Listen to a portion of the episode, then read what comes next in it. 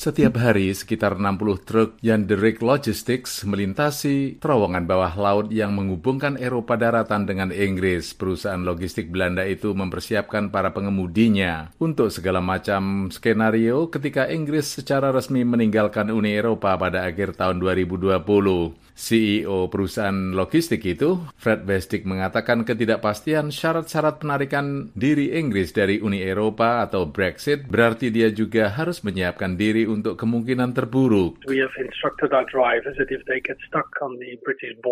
Kami telah menginstruksikan kepada semua pengemudi bahwa jika mereka terjebak di perbatasan Inggris, kami akan menerbangkan penjaga keamanan untuk menjaga truk mereka sambil menunggu penyeberangan di perbatasan.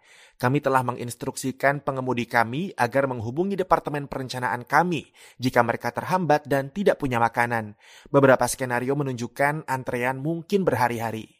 Inggris memilih untuk meninggalkan Uni Eropa dalam referendum bulan Juni 2016. Ini berarti Inggris tidak lagi menjadi bagian dari bea cukai Uni Eropa, sehingga mengakhiri perjanjian perdagangan bebas sebelumnya dengan negara-negara Uni Eropa.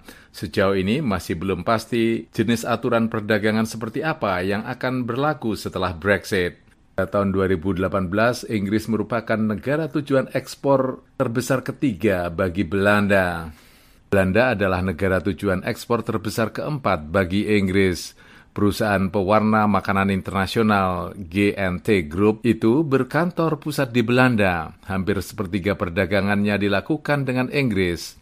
Manajer rantai pasokan Hans Bruning merasa masih ada kekurangan informasi dan pengetahuan tentang pelanggannya di Inggris.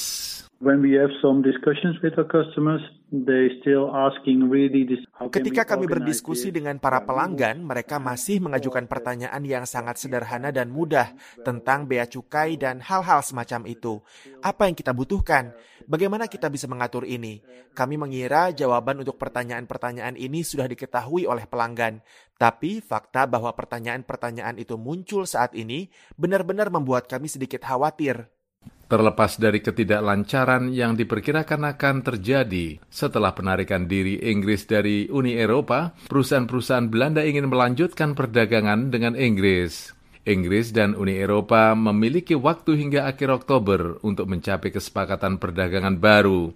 Jika tidak ada kesepakatan, para pengamat mengatakan perusahaan-perusahaan mungkin harus kembali pada peraturan perdagangan Organisasi Perdagangan Dunia atau WTO.